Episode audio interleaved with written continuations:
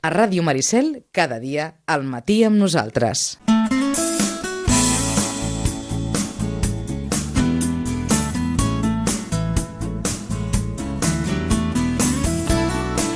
I ho farem, com sempre, amb la Marta Sánchez. Marta, bon dia. Hola, bon dia. Uh, L'agenda de les biblioteques i si vostès segueixen les biblioteques de les xarxes socials veuran aquelles fotos dels clàssics que, que passegen, oi? Els Uns... clàssics volen sortir, clar. Els clàssics volen sortir. És, sí, sí. Està bé aquesta, aquesta iniciativa i ara, ara li, li comentàvem amb la, amb la Marta perquè, de fet, crida força l'atenció. Si veuen a l'Instagram aquells, aquestes, aquestes imatges doncs això de clàssics passejant-se allò pel, pel, cas, pel centre, oi? Sí, pel... amb la cadira, amb la cadira de l'any 36, doncs mm -hmm. agafen la cadira i volen sortir. No? És una I crida això, que, que surtin en presta. Mm -hmm. Sempre. Una altra cosa és que no surten mai en dies de pluja. No. Oi?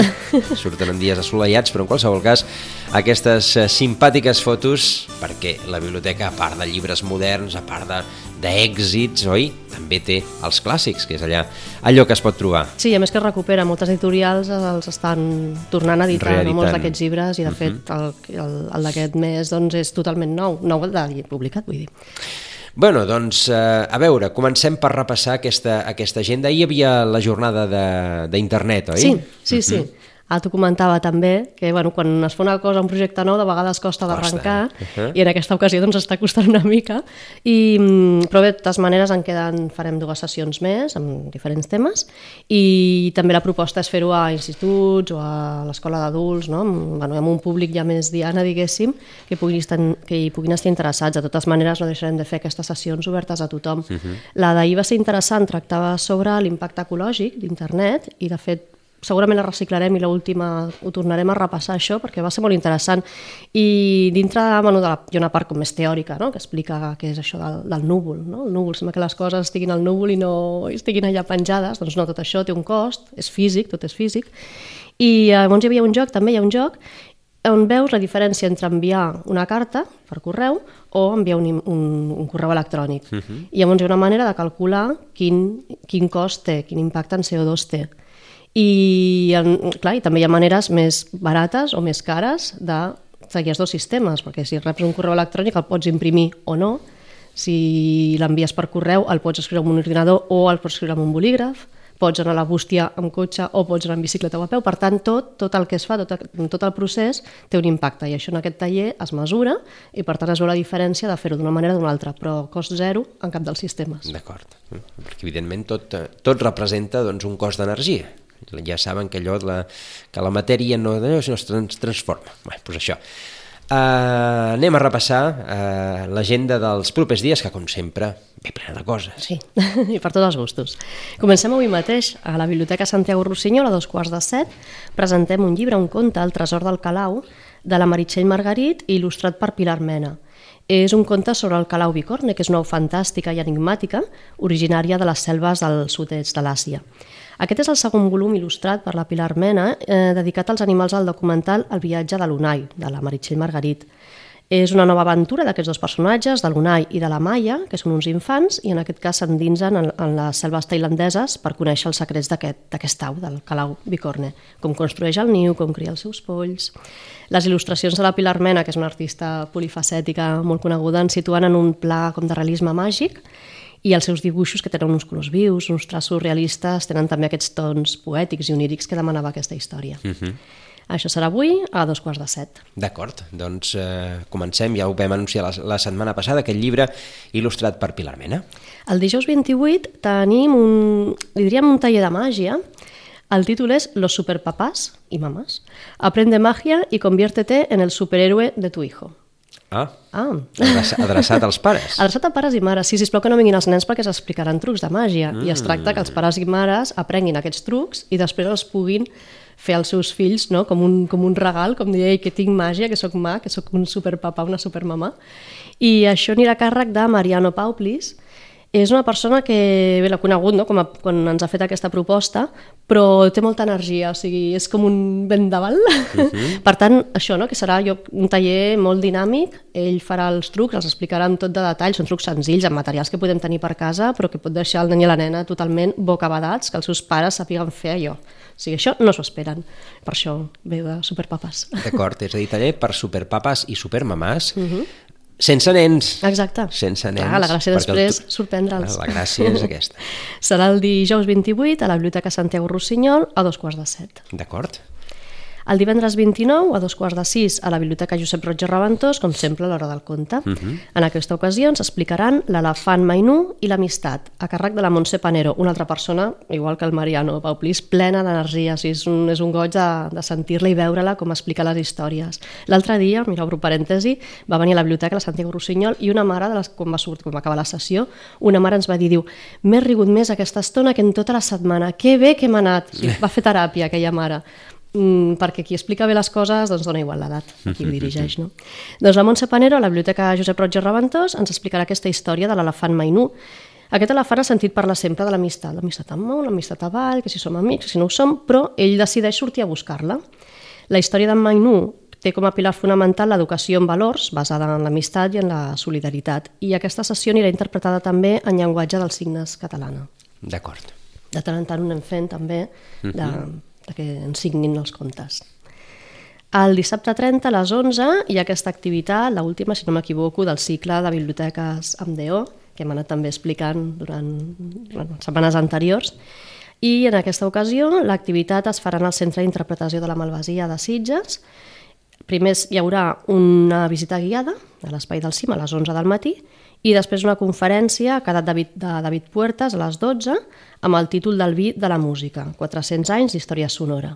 I ens explicarà curiositats que uneixen el vi amb la música, tant clàssica, no? les, les òperes, o quina varietat va tastar Chopin quan vivia a Mallorca, eh, quin vi se servia al Liceu la nit que es va esclatar la bomba, en fi, tot de curiositats que uneixen la música, de la que el David Puertas és un gran especialista, amb el vi en el mar de, del cim. D'acord. Això sí, no a la biblioteca, sinó al Centre d'Interpretació de la Malvasia. Ho comentem perquè forma part de l'agenda, però hi havia inscripció prèvia i les places ja estan cobertes. Uh -huh. De totes maneres, si algú es vol apuntar, per si hi ha alguna baixa d'última hora i se li pot avisar, doncs, doncs perfecte. En tot cas.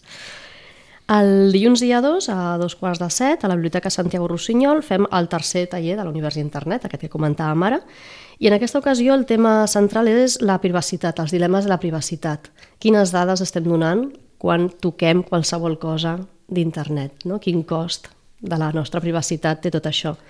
També hi haurà la mateixa, la mateixa estructura en aquest taller, una part més teòrica, no? bueno, d'emmarcar del que estem parlant, i després un joc, que és una mena de joc de la OCA, uh -huh. en el que per avançar haurem d'anar donant dades i per tant triar quines dades donem. Donem el DNI directament, donem només el telèfon, donem el nom, en fi, cadascuna d'aquestes dades té un cost, perquè no és el mateix donar-ne una que una altra. Uh, dilluns 2 a dos quarts de set. D'acord. El tercer dels tallers de- d'internet. Uh -huh. Exacte. El dijous 5, a la Biblioteca Santiago Rossinyol, presentem un còmic uh -huh. de la seva, a càrrec de la seva autora, la Romina del Mastro Giaccio, i el títol del còmic és Átomo, sus aventuras i la pastilla de Maracolarta. I a més a més, com a cosa mm, xula i diferent, tindrem el protagonista d'aquest còmic a la biblioteca, Àtomo. l'Àtomo. I l'Àtomo no és un hàster. Ah, Per tant, vindrà el hàmster molt ben cuidat, no, no patirà gens ni l'agobiarem, ella estarà molt bé.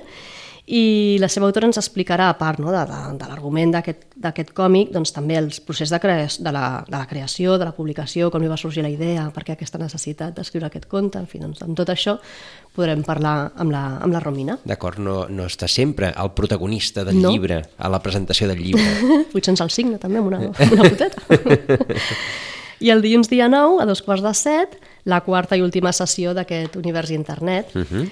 En principi, bueno, la sessió era una, però l'hem adaptat, veient com han anat les altres tres, i tornarem a parlar això, de què és el núvol i aquest impacte ecològic que té internet. D'acord, és a dir, que aquesta que, que us ha cridat força l'atenció Sí, sí, i enteneu que és molt- probablement la, la més interessant, doncs Sí. eh, es repeteix eh, Exacte. de cara a gent que pugui estar interessada. Després les exposicions volíem destacar-ne també, tant les que es fan al pati de la, de la Biblioteca Santiago Rossinyol, no? de- Sí. d'artistes de diferents àmbits que ens demanen aquest espai per poder exposar la seva obra, com també les petites exposicions que fem a la biblioteca. Um, més que exposicions és agafar un tema, un autor i voler-lo destacar en punts de, de la biblioteca, no? I, bueno, qui és un usuari habitual ja se'ls coneix, aquests punts, ja sap que en aquella taula, en aquell taulell, en aquella tauleta, en aquell mm, espai, sempre hi ha alguna cosa que destaquem. i per tant és una manera no, de treure'ls de la prestatgeria on estan tots col·locats, que d'anar girant el cap per mirar uh -huh. el llom i destacar-los d'una altra manera. Doncs m'agradaria també fer una repassada d'aquestes exposicions. Per una banda, en el pati de la Biblioteca Santiago Rossinyol tenim l'exposició El transcurso de la vida, de, són pintures de la Nati Fernández i peces d'art natural d'Entrenudos. Es va inaugurar el 15 de novembre i estarà fins al dia 5 de desembre. Uh -huh. A les vitrines de la Biblioteca Santiago Rossinyol tenim uns llibres molt, molt bonics de la Lola Anglada. Eh, aquests llibres tenen història perquè va ser un, un donatiu que es va fer bueno, fa, fa molts anys. Eh? El Francesc Parra ens ho explicaria millor i, de fet, li demanaré un dia que vingui a explicar-ho perquè val la pena. Però bueno, us ho resumeixo. Aquests llibres van arribar a la Biblioteca Santiago Rossinyol en caixes, de, un donatiu, i així es van quedar perquè no hi havia espai, perquè no, es podien, bueno, no, no hi havia temps de catalogar, en fi, es van quedar encapçats.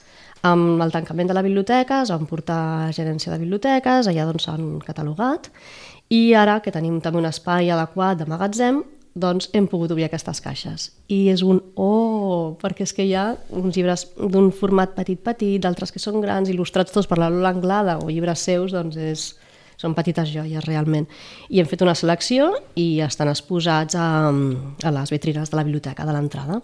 Estaran fins al dia 20 de gener, per tant, hi ha temps d'anar-los d'anar passant sí, sí. i anar-los mirant. Perfecte. Què més? Aquestes exposicions que parlàvem de, que fem, no? Aquests, aquestes mostres, aquests punts d'interès a les biblioteques. Ara mateix, a la Biblioteca Santiago Rossinyol, a la sala Miquel Utrillo, hi ha un moble també que es va restaurar, que és molt bonic perquè, ai, és que és difícil d'explicar així, sense imatge, però té com uns prestatges que, són, que es poden treure, que es poden posar. Um, saps aquests que tenen com una persiana que sí. es tanca no? amb una uh -huh. persiana cap amunt, però dintre té aquests prestatges que es treuen, que es posen, molt bonics. Uh -huh. Doncs en aquest moble tenim una, una selecció de llibres sobre Santiago Rossinyol, aprofitant també aquesta exposició, aquest, bueno, aquesta, aquesta celebració vaja, del 125è aniversari del Cau Ferrat, doncs en aquest punt tenim aquesta exposició. Normalment hi ha altres temes locals, de, perquè al costat hi ha tota la secció de col·lecció local, doncs aprofitem uh -huh. que està al costat per destacar llibres de col·lecció local. A l'entrada, que tenim un dels catàlegs, aquells mobles de claixets on hi havia les fitxes, doncs ara també l'hem reciclat com a punt d'exposició. I a la planta baixa ara, aquests dies hi haurà llibres sobre, relacionats amb l'univers d'internet. En aquest moment hi ha els de, aquest impacte ecològic, llibres sobre ecologia, que també doncs, és un tema eh, totalment actual, i farem aquest, doncs, la seguretat de dades, de com els pares i mares també podem vigilar amb la seguretat amb els nostres fills, en fi, doncs anem relacionant temes d'activitats amb els llibres que tenim.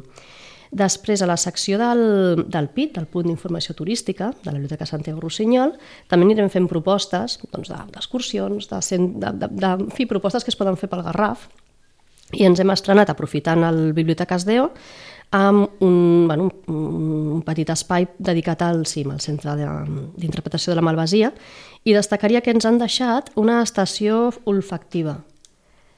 Podem olorar l'aroma amb tots els matisos, ja hi ha un targetó on t'explica tot el que podem olorar del blanc subur. Mm. Hi ha un, com, un, com una proveta de vidre amb una pera, si apretem la pera, olorem l'aroma que surt d'aquest líquid, d'aquest vi. I aquesta estació olfactiva doncs, mm -hmm. també serà un punt que anirem canviant amb diferents propostes.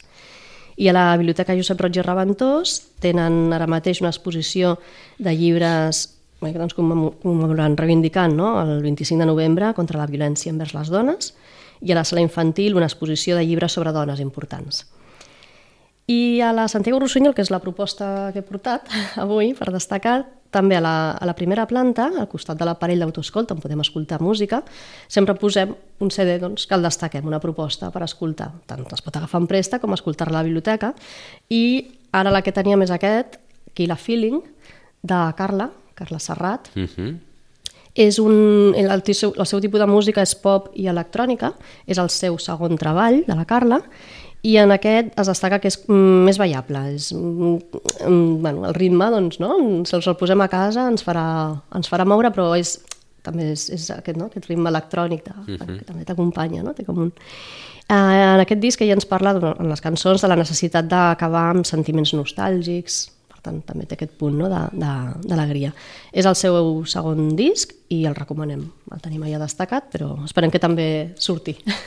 Per tant, a les biblioteques no només hi ha llibres, uh -huh. no només hi ha DVDs, sinó que també hi ha CDs per escoltar. Exacte, sí, sí, per escoltar, per agafar en préstec. Eh, dues coses més. A A, la Biblioteca Josep Roig i Reventós segueix la campanya per recollir mm, diners per la Marató de TV3. En Mhm. aquest cas, aquest any, doncs, dedicat a les malalties minoritàries, molta feina a investigar, molta feina a fer. I, per tant, bé, les biblioteques doncs, col·laborem no? amb aquest gra de sorra que tothom pot posar, més gran o més petit, cadascú. Uh, hi ha una taula amb un munt de llibres que són donatius i tothom que vulgui pot agafar un llibre i a canvi doncs, posar aquest donatiu, un euro, dos, en fi, cadascú doncs, el, que, el que consideri, el que pugui, no? amb el que vulgui col·laborar. Això estarà fins al 5 de desembre, que ja doncs, és quan, no sé, la marató quin cap de setmana és, però bueno, El- el... D'aquí a dos, no? El, Sí, el, no? Doncs ja cap al ser- 17-18 aproximadament, sí. Doncs, mm -hmm. Llavors, bueno, això, clar, s'ha de fer tota la, la recaptació, no? de fer l'ingrés i tal abans. Per haurà aquesta, aquesta taula de donatius a canvi d'aquest d'aquesta col·laboració per la marató. El 15. El 15. El 15 és la marató. Mhm, Exacte. I una altra eh, la destaquem perquè és una activitat amb inscripció prèvia i per tant els nens i nenes que vulguin participar ja s'hi poden anar apuntant. Serà a la Biblioteca Josep Roig i Reventós, un taller de Bibliolab, que es diu Esporneta i la màgia de la química, a càrrec de la companyia Consciència. És un espectacle poètico-químic, Ah, poesia i química, que aquí en tenim... no ens sona raro, eh? això de barrejar la poesia amb la química i les ciències. L'Esporneta és una maga diferent, és filla de científics. Ella sap que el poder de l'amor és el més fort que existeix, però avui ha vingut a compartir-nos el seu coneixement sobre altres poders i elements igual de fascinants, els elements químics i les seves reaccions. Doncs gràcies a la seva comprensió i utilització, les persones ens hem fet tan poderosos com els antics mags. Explicarem als nens i nenes això de, dels elements químics, reaccions químiques, com funcionen, i ells mateixos podran experimentar. Els bibliolabs hem fet ja uns quants, i els hem enfocat bastant més en el tema més artístic, o de, de destacar un personatge i que siguin els protagonistes, la Frida Kahlo, el Leonardo da Vinci, l'altre dia el Joan Brossa. Aquest és més científic d'acord. i això, inscripció, inscripció prèvia fem a partir de 5 anys i el taller té una durada, una durada d'uns 50 minuts. Mhm. De, de quina edat es recomana? Aquest, A partir de eh, cinc anys. A partir de 5 anys, no, sí. no hi ha no, per endavant, cap limitació. No. Mhm. Exacte, serà a la Biblioteca Josep Roig i Reventós el 13 de desembre, però ja estan obertes les inscripcions. Sí, més que res perquè si ho anunciem la setmana abans estan, estan esgotades i per Exacte, tant és, clar. és bo, és bo dir-ho amb dies. Doncs sí. I després també volia explicar, perquè, mm, clar, hi ha, hi ha aquesta agenda, no?, tot d'activitats, i però l'agenda d'arribar al, al públic adequat. Sí. Per tant, una de les maneres més directes i més fàcils és consultar els blogs de les biblioteques, però si mm, això d'anar directament nosaltres al blog doncs ens oblidem i hi ha una altra manera, encara més fàcil, la més directa, que és subscriure's al butlletí electrònic. Llavors volia explicar com fer-ho. A veure, El butlletí electrònic, a part de tenir l'enllaç a l'agenda de les dues biblioteques, també hi ha les novetats eh, de llibres, de CDs, en fi, que llavors hi ha això, no? aquest compendi de novetats i d'agenda. Són, bueno, les biblioteques municipals elaborem aquests butlletins per informar regularment de les activitats que anem fent o d'això, no? de tots els llibres que, que anem rebent, avantatges culturals... Mm, però per rebre'l, la persona interessada ha de dir que sí, que el vol rebre. Llavors, pel tema de protecció de dades, primer, el primer pas és entrar a l'espai personal de la biblioteca virtual o, de, del, o a partir del catàleg a la de les biblioteques i anar al, això, a l'espai personal i clicar el botonet, la, la finestreta on diu que sí, que es vol rebre informació de les biblioteques. Si no està això marcat, doncs no es podrà rebre. L'altre, el segon pas, és mirar el nostre carnet. Si el carnet està fet a les biblioteques de Sitges, directament rebran el butlletí. Però si el carnet es va fer en una altra biblioteca, de Barcelona, de Vilanova, el que sigui, s'ha d'anar també a l'opció de butlletins electrònics i triar el de Sitges. O sigui que hi haurien aquests dos, aquests dos passos. La biblioteca virtual, l'adreça és bibliotecavirtual.diva.cat. d'acord. A part d'altres serveis i d'altres informacions que hi ha a la biblioteca virtual, doncs hi ha aquest espai personal per poder fer aquest tràmit. És a dir, que les persones que no, eh, que no accedeixin habitualment al blog perquè no se'n recordin o el que sigui, doncs sempre tenen aquesta opció de subscriure's al butlletí electrònic, aleshores el reben, el reben còmodament en el correu i així el poden, el poden consultar. Cada mes doncs, van rebre informació. Si no, a les biblioteques, evidentment, posem els cartells, anunciem a les xarxes socials, Mhm. O però aquesta mateix. doncs, és la... Mhm. Sí, exacte. Però aquesta també és una manera directa de, de rebre aquesta informació. D'acord. Doncs, eh, alguna cosa més, Marta? Per avui res més. Doncs per avui res més, 15 dies déu nhi eh? déu nhi les coses que, que van fent sempre la, la gent de les biblioteques. Ens tornem a retrobar amb la Marta d'aquí 15 dies, Marta. Molt bé, moltes Que gràcies. passi molt bé. Gràcies.